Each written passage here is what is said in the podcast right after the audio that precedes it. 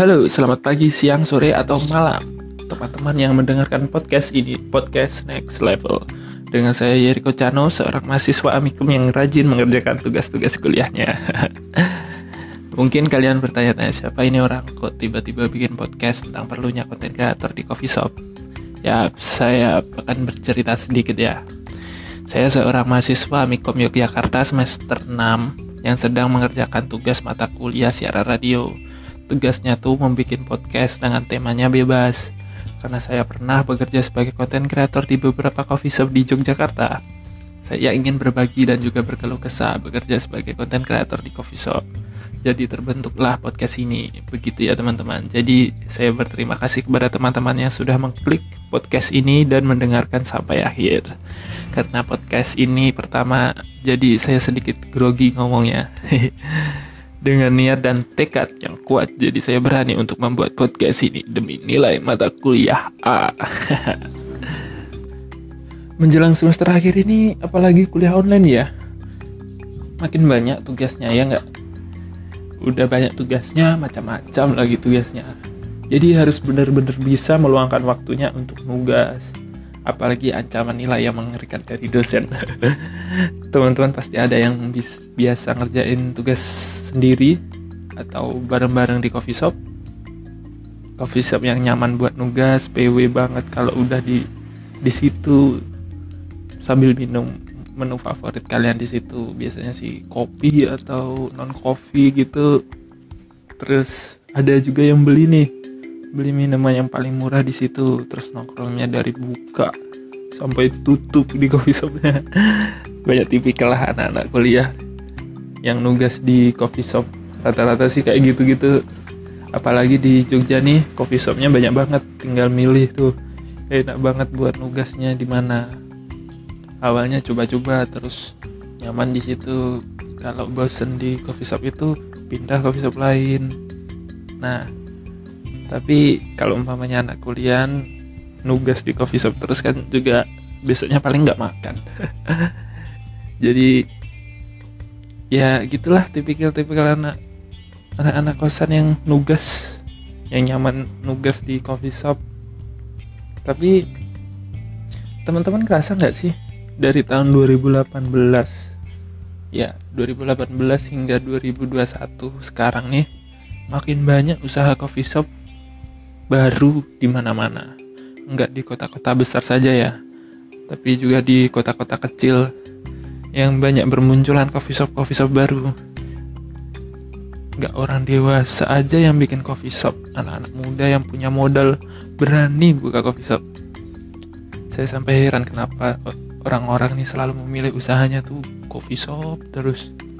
Banyak orang beranggapan kalau usaha coffee shop itu mudah, cepat balik modal, bisa dibuat nongkrong teman-teman atau keluarga.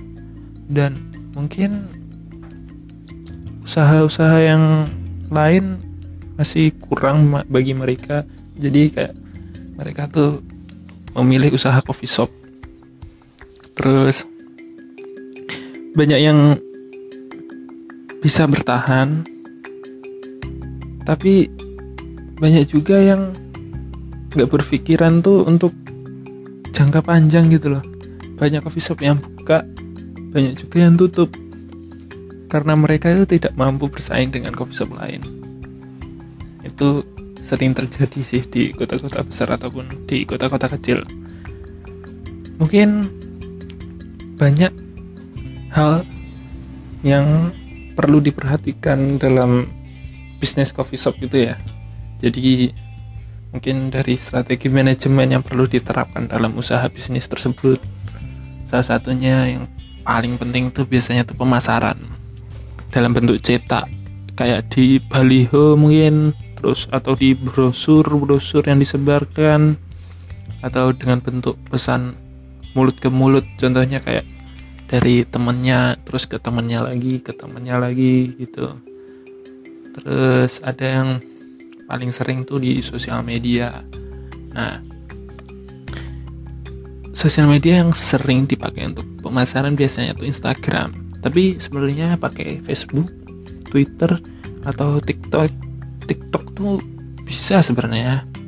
tapi yang paling sering dipakai itu Instagram jadi penting banget adanya Instagram untuk promosi jadi banyak banyak yang pakai Instagram terus kayak umpamanya buka coffee shop nih. Terus akhirnya mereka bikin Instagram untuk memperlihatkan bagaimana keadaan-keadaan di coffee shop tersebut. Jadi kayak apa ya kayak ibaratnya branding coffee shopnya itu di Instagram gitu. Jadi teman-teman yang mau kepo tuh langsung cek Instagram gitu biasanya.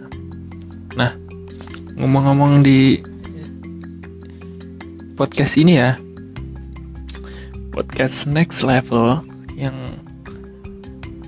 judulnya perlu konten kreator di coffee shop. Jadi kita akan bahas sedikit tentang bagaimana sih cara promosi di Instagram sebagai seorang konten kreator yang ngerjakan apa ya? Maksudnya membuat konten di Instagram gitu loh maksud saya jadi tunggu.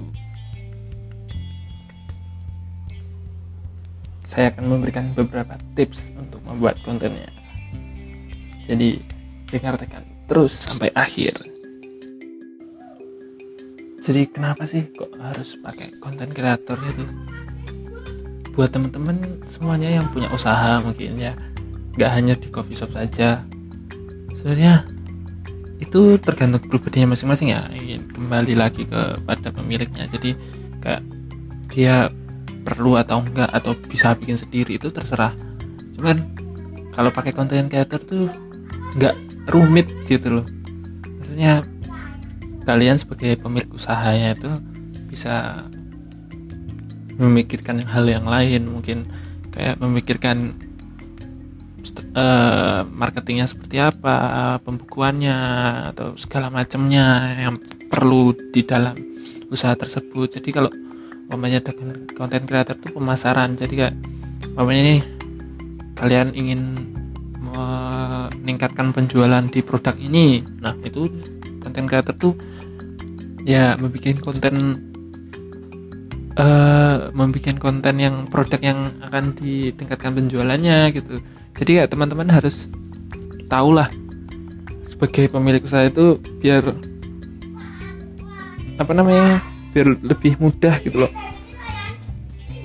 Jadi mungkin kalau usaha kecil mungkin untuk awal-awal untuk foto-foto produk bisa membantu. Jadi nggak harus seterusnya gitu. Tapi kembali lagi buat teman-teman. Jadi tergantung. Cuman saya itu menyampaikan kenapa kok pakai konten kreator gitu loh.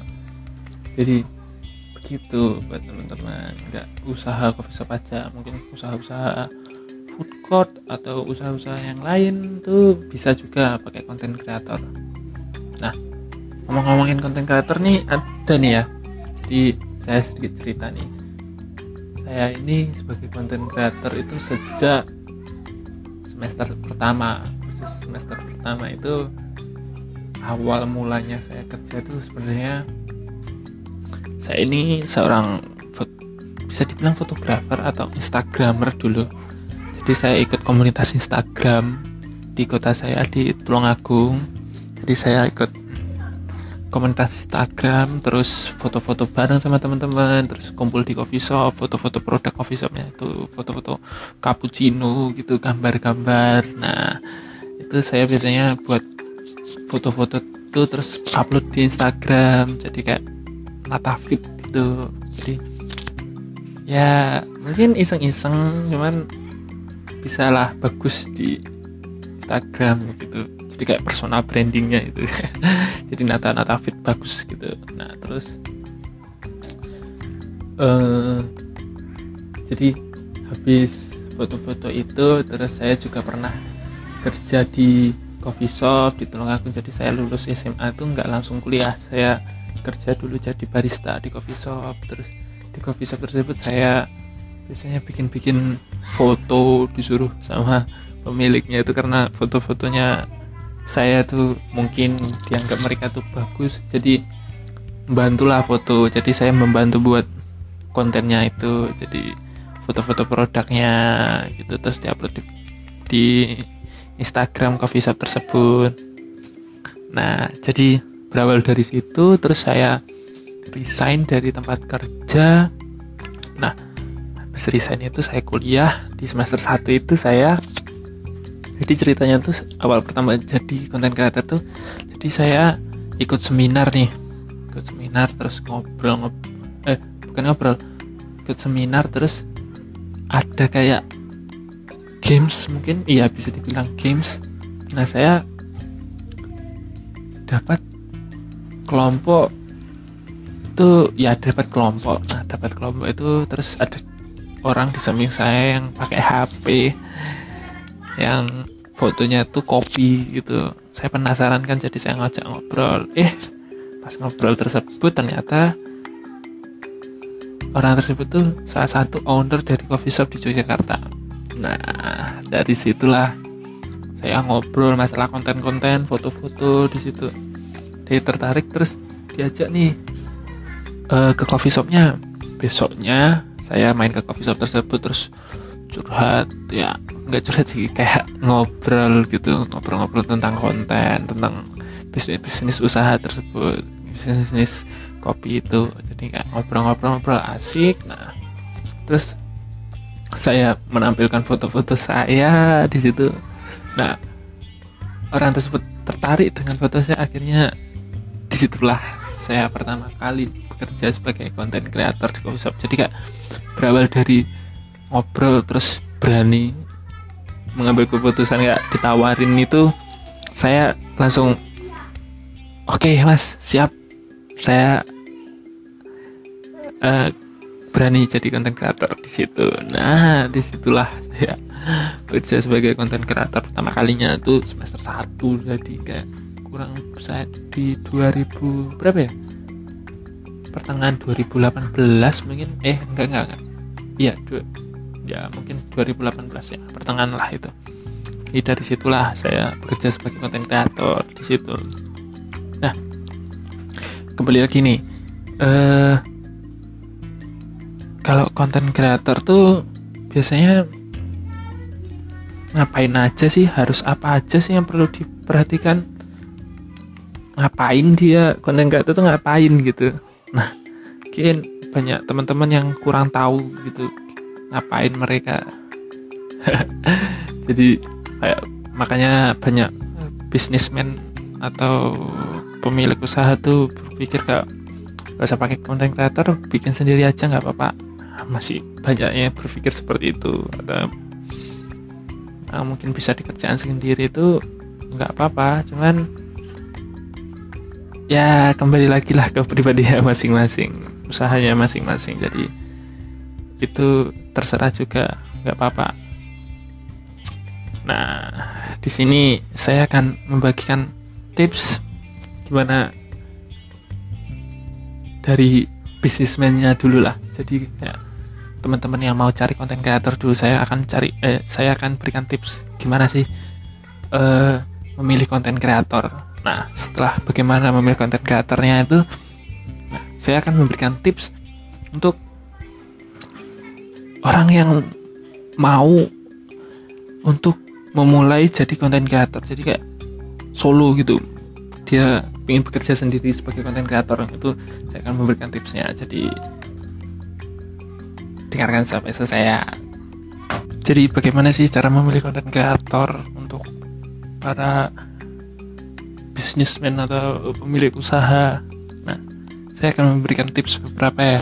Jadi kalau dari saya pribadi itu mungkin kalian harus memikirkan apa sih yang diperlukan. Nah, apa apa yang diperlukan? Jadi kayak mamanya kalian punya usaha nih. Yang kalian perlukan tuh foto. Jadi oke okay, foto foto aja nih. Oke okay, nggak apa-apa. Foto foto-foto produknya.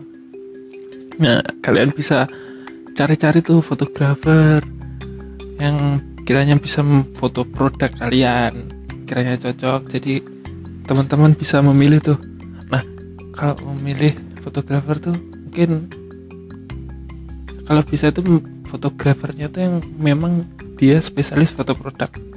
Nah jadi kayak umpamanya nih fotografer fotografer model mungkin model. Terus kalian tawarin foto foto produk. Bisa sebenarnya. Cuman mungkin kayaknya dia belum terlalu berkompeten di bidang tersebut. Nah kalian bisa lebih baik tuh cari yang uh, fotografer yang dia memang foto produk. Tapi kalau mamanya si fotografer ini mungkin mau untuk memfoto produk juga bisa sebenarnya. Cuman pintar-pintar kalian lah untuk memilih. Jadi gitu. Jadi apa yang diperlukan dulu anda pilih foto produknya atau mungkin videonya mungkin desainnya. Jadi anda pikirkan di situ. Nah jadi satu orang tuh gak bisa sebenarnya untuk membuat foto video desain gitu tapi kalau mau foto video mungkin bisa. Nah kalau desain mungkin bisa lain. Tapi uh, banyak juga yang bisa satu itu maksudnya foto video desain dia bisa itu fine fine aja. Cuma nanti di budgetnya mungkin.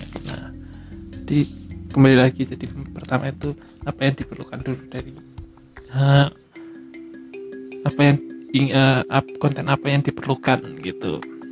Hmm, terus untuk memilih konten kreatornya itu lihat dari portofolionya. Nah, lihat dari portofolio si konten kreator tersebut. Dia foto-fotonya bagus kiranya dia cocok untuk produk kalian. Mungkin bisa di uh, di hire nah di situ kalian bisa lihat porto portofolionya terus nah ini yang rada sensitif nih sesuaikan dengan budgetnya.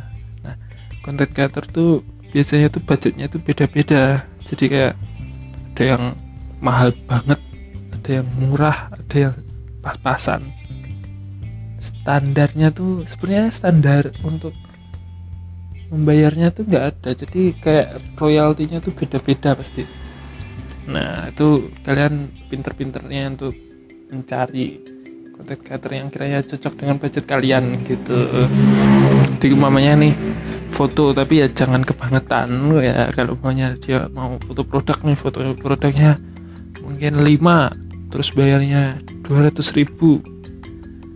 Eh itu mungkin ada yang menerima ada juga yang enggak. Jadi lebih baik kalian uh, pasin lah. Kira-kira kayak memikir kayak dia tuh nanti perlunya apa aja. Jadi atau mungkin gini gini. Atau mungkin kalian tanya nih saya punya produk 5 untuk difoto produknya. Jadi ditanyain ke konten kreatornya kalau foto produk kayak gini budgetnya berapa? Nah di dari situ jadi menyesuaikan gitu jangan asal memberikan saya punya lima produk nih 200 ribu mau nggak? Nah itu pasti banyak yang nggak mau. Jadi lebih baik ceritakan dulu yang diperlukan tuh ini terus diomongin ke konten kreatornya. Nah dari konten kreatornya ditanyain lagi tuh kalau kayak gini kiranya budgetnya berapa? Mungkin diobrolin lagi diobrolin lagi hingga cocok. Gitu. Jadi buat teman-teman tuh yang memulai usaha. Pinter-pinter lah untuk mencari konten kreator yang cocok untuk bisnis kalian. Jadi kalau cocok bisa membantu menunjang peningkatan penjualan kalian gitu. Jadi buat teman-teman nih kalau umpamanya konten kalian dapat konten kreator oh oh ya sorry. Itu tadi untuk yang foto produk kalau yang coffee shop sekarang. Oke. okay coffee shop nih ya. Buat yang awal-awal buka coffee shop tuh bisa sih cari cari-cari dulu atau menawarkan. Nah terus ketika konten kreatornya itu mengajukan diri kalian bisa meminta portofolionya gitu. Nah kalau mereka belum ada portofolio nih bisa juga ditanya ini nih yang kiranya kunci buat para pemilik usaha nih um, kita bisa menanyakan kalau anda sebagai kreator mau gimana mau kamu apa gimana ini? Coffee shopnya. Mau kamu bikin apa kontennya? Mau seperti apa nanti coffee shop eh mau seperti apa kontennya di Instagram gitu. Jadi biar dia storytelling gitu. Oh coffee shop ini tuh cocoknya dibuat konten seperti ini seperti ini seperti ini seperti ini. Nah jadi ada gambarannya tuh. Jadi brainstorming jadi kayak ada titik temunya nanti mau konten kreatornya cocok mau bikin konten ini terus kak anda sebagai pemilik mau jadi bisa dieksekusi konten anu sama konten kreatornya kayak gitu. Jadi seperti itu.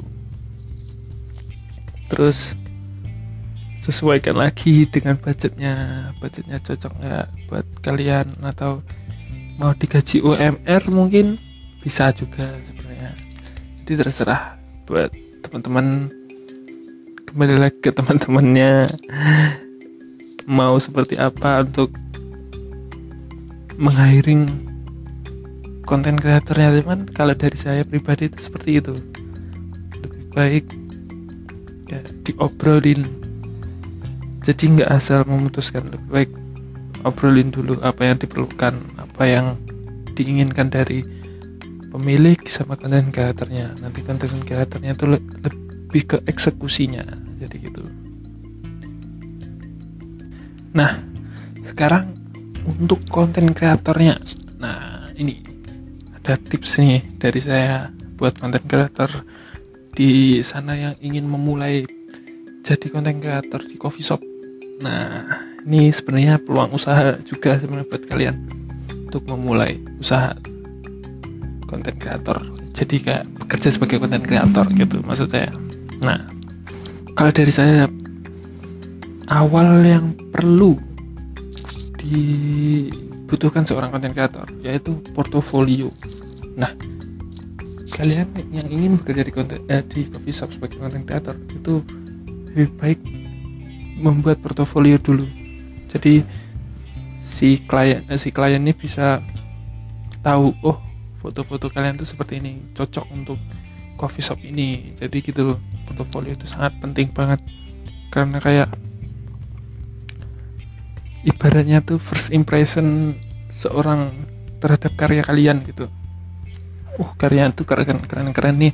Bisa cocok untuk bisnis saya nih. Seperti itu jadi portofolio itu sangat penting. Nah terus yang kedua itu kalau dari saya alat. Ya. Jadi alat mungkin harus banget milik pribadi lebih baik milik pribadi karena nanti kalian pasti ribet kalau maunya pinjam-pinjam gitu. Alat itu pasti penting banget. Nah terus kuasai foto video dan desain walaupun itu basic semua setidaknya kalian tahu uh, bisalah membuat. Karena nanti itu penting banget. Karena mamanya kalian disuruh nih untuk foto produk ini terus nanti bikin promosi ya. Nah kalian harus bisa desain. Nah itu. Mungkin kalau dari teman-teman yang pemula bisa memakai HP pakai apps-apps yang desain tuh kayak Canva bisa sebenarnya jadi itu yang penting banget buat teman-teman dasar foto video sama desain. Nggak harus Photoshop Premiere sama Lightroom Lightroom di PC tapi di HP pun sebenarnya juga bisa. Tapi kalau kalian pengen menambah skillnya bisa langsung kayak di laptop gitu. Jadi kayak skill kalian juga bisa meningkat.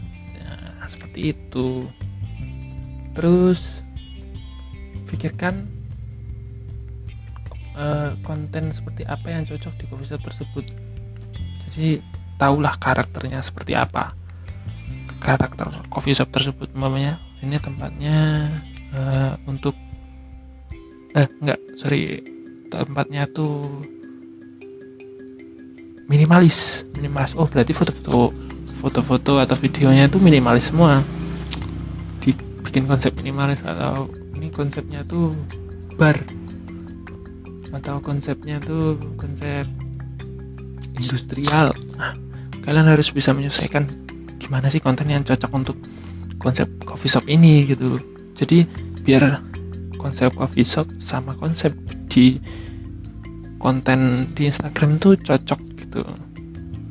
Nah kalian bisa bikin kontennya seperti itu. Jadi biar nggak melenceng lah seperti itu. Nah, terus setelah tahu nih kontennya mau dibikin seperti apa terus anda juga menguasai foto videonya sekarang ngapain aja sih konten creator kalau di coffee shop tuh? Nah yang pertama yang pastinya tuh posting menata feed. Nah itu penting banget. Kayak menata feed biar nggak berantakan biar tata gitu. Nah, tips dari saya tuh biasanya tuh saya fotonya itu setiap postingan yang berurutan maksudnya nomor foto ini habis foto ini foto selanjutnya itu pasti biasanya berbeda-beda. Jadi kalau saya foto produk foto customer atau foto pelanggan foto kegiatan di bar sama foto suasana. Nah, atau foto konsep. Nah saya ulangi foto produk foto customer foto produk foto customer foto kegiatan barista foto suasana atau konsep. Nah itu empat itu bisa di bolak balik atau bisa diacak gitu sesuai fitnya. Jadi kalian pintar-pintar menata fitnya. Untuk komposisinya oh ini komposisinya udah rame. Saya buat minimalis terus rame lagi. Karena itu kan tiga tiga tiga tiga. Nah jadi kalian harus pintar menatanya. Atau mau dibuat rame terus oke okay lah rame terus. Atau minimalis terus minimalis terus gitu. Jadi kalau menata fit tuh kalau dari saya itu seperti itu. Jadi difikirkan nih oh ini nanti ada pola miringnya oh ini pola lurus.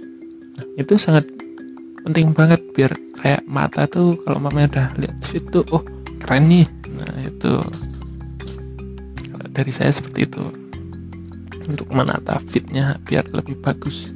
Nah foto-foto. Nah terus caption. Nah mungkin caption juga sangat pengaruh juga ya. Ad, makanya ada copywriter yang bekerja sebagai uh, membuat membuat caption seperti itu atau membuat membuat tulisan tulisan promo. Nah itu biasanya copywriter nah, tapi sebagai content creator yang sendiri itu harus merangkap juga harus bisa buat kata-kata yang menarik gitu. Jadi bukan foto terus bikin bikin captionnya terus diposting. Nah habis itu jadi admin. Kalian harus aktif jadi admin untuk di Instagram tersebut gitu. Jadi harus aktif gitu. Nah terus ketika anda jadi admin anda juga harus aktif dalam bahas DM DM atau komen mungkin atau pertanyaan-pertanyaan kak tutup jam berapa buka jam berapa itu kalian harus aktif di situ. Gitu posting udah uh, udah admin udah sekarang stories. Nah Instagram stories. Nah ini sangat penting banget karena uh, untuk kegiatan yang sering di lihat tuh kan Instagram Stories nih. Jadi kalian harus aktif juga untuk membuat Instagram Storiesnya itu.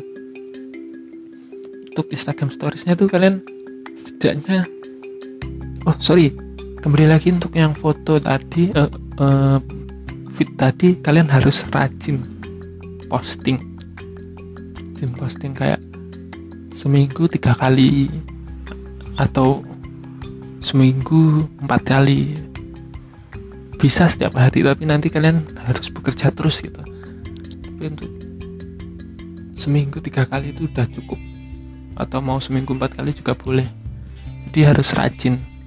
Nanti ketika kalian membuat konten nanti kan ada nih uh, planningnya. Nah kalian harus bikin planningnya dulu mau posting ini kapan posting ini kapan jam berapa. Itu di planning biar kalian tuh tinggal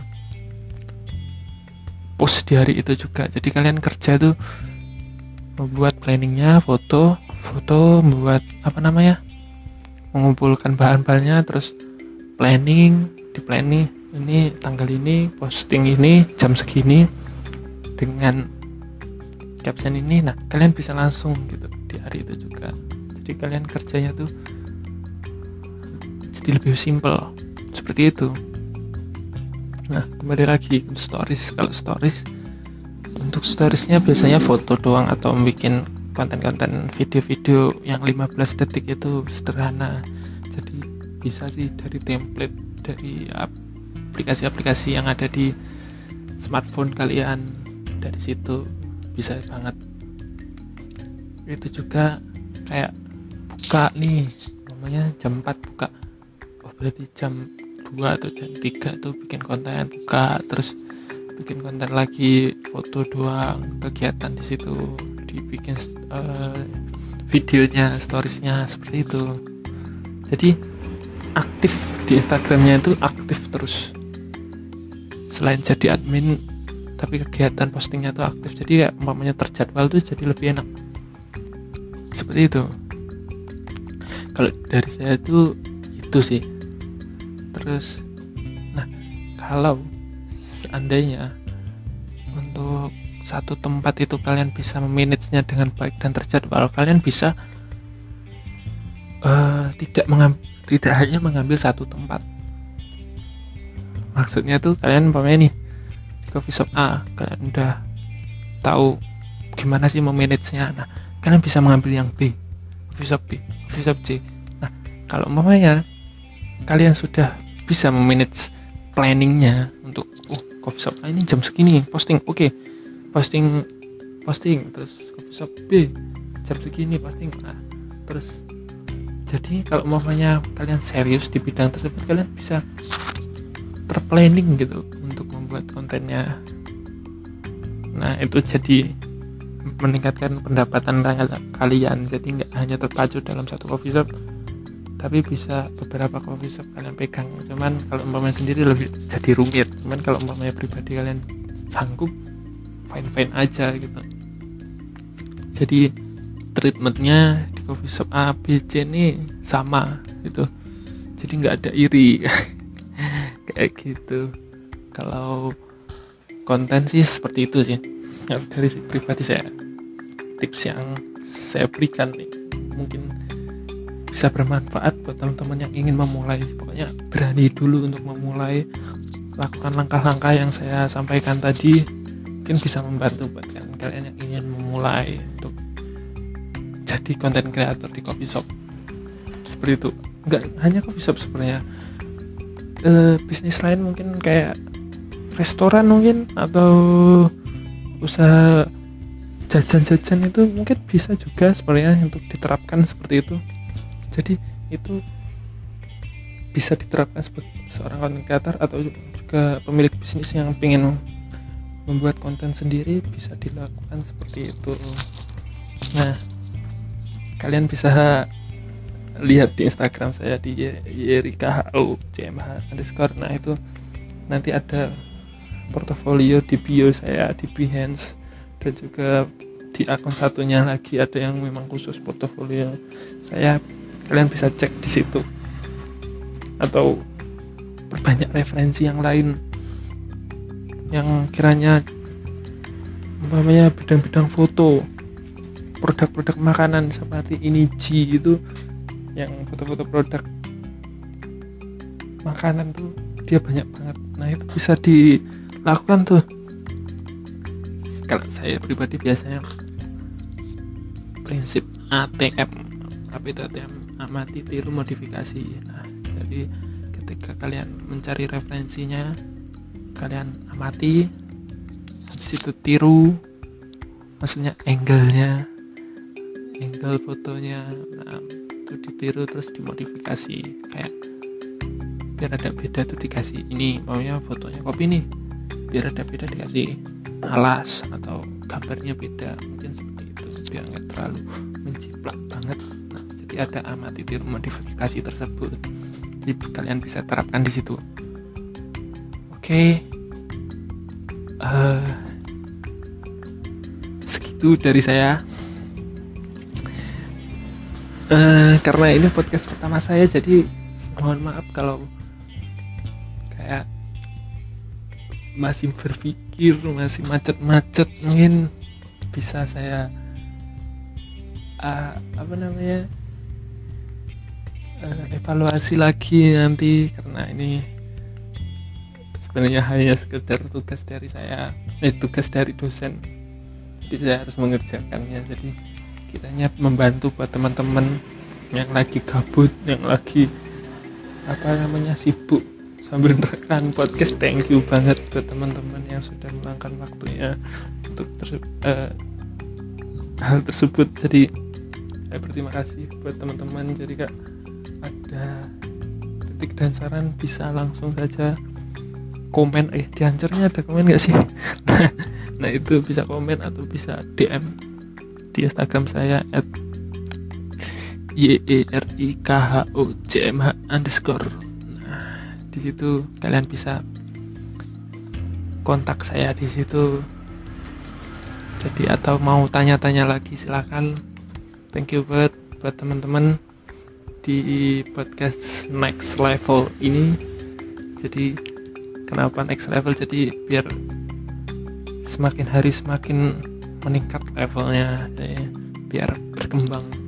Buat teman-teman yang ingin memulai bisa berkembang lagi berkembang lagi seperti itu.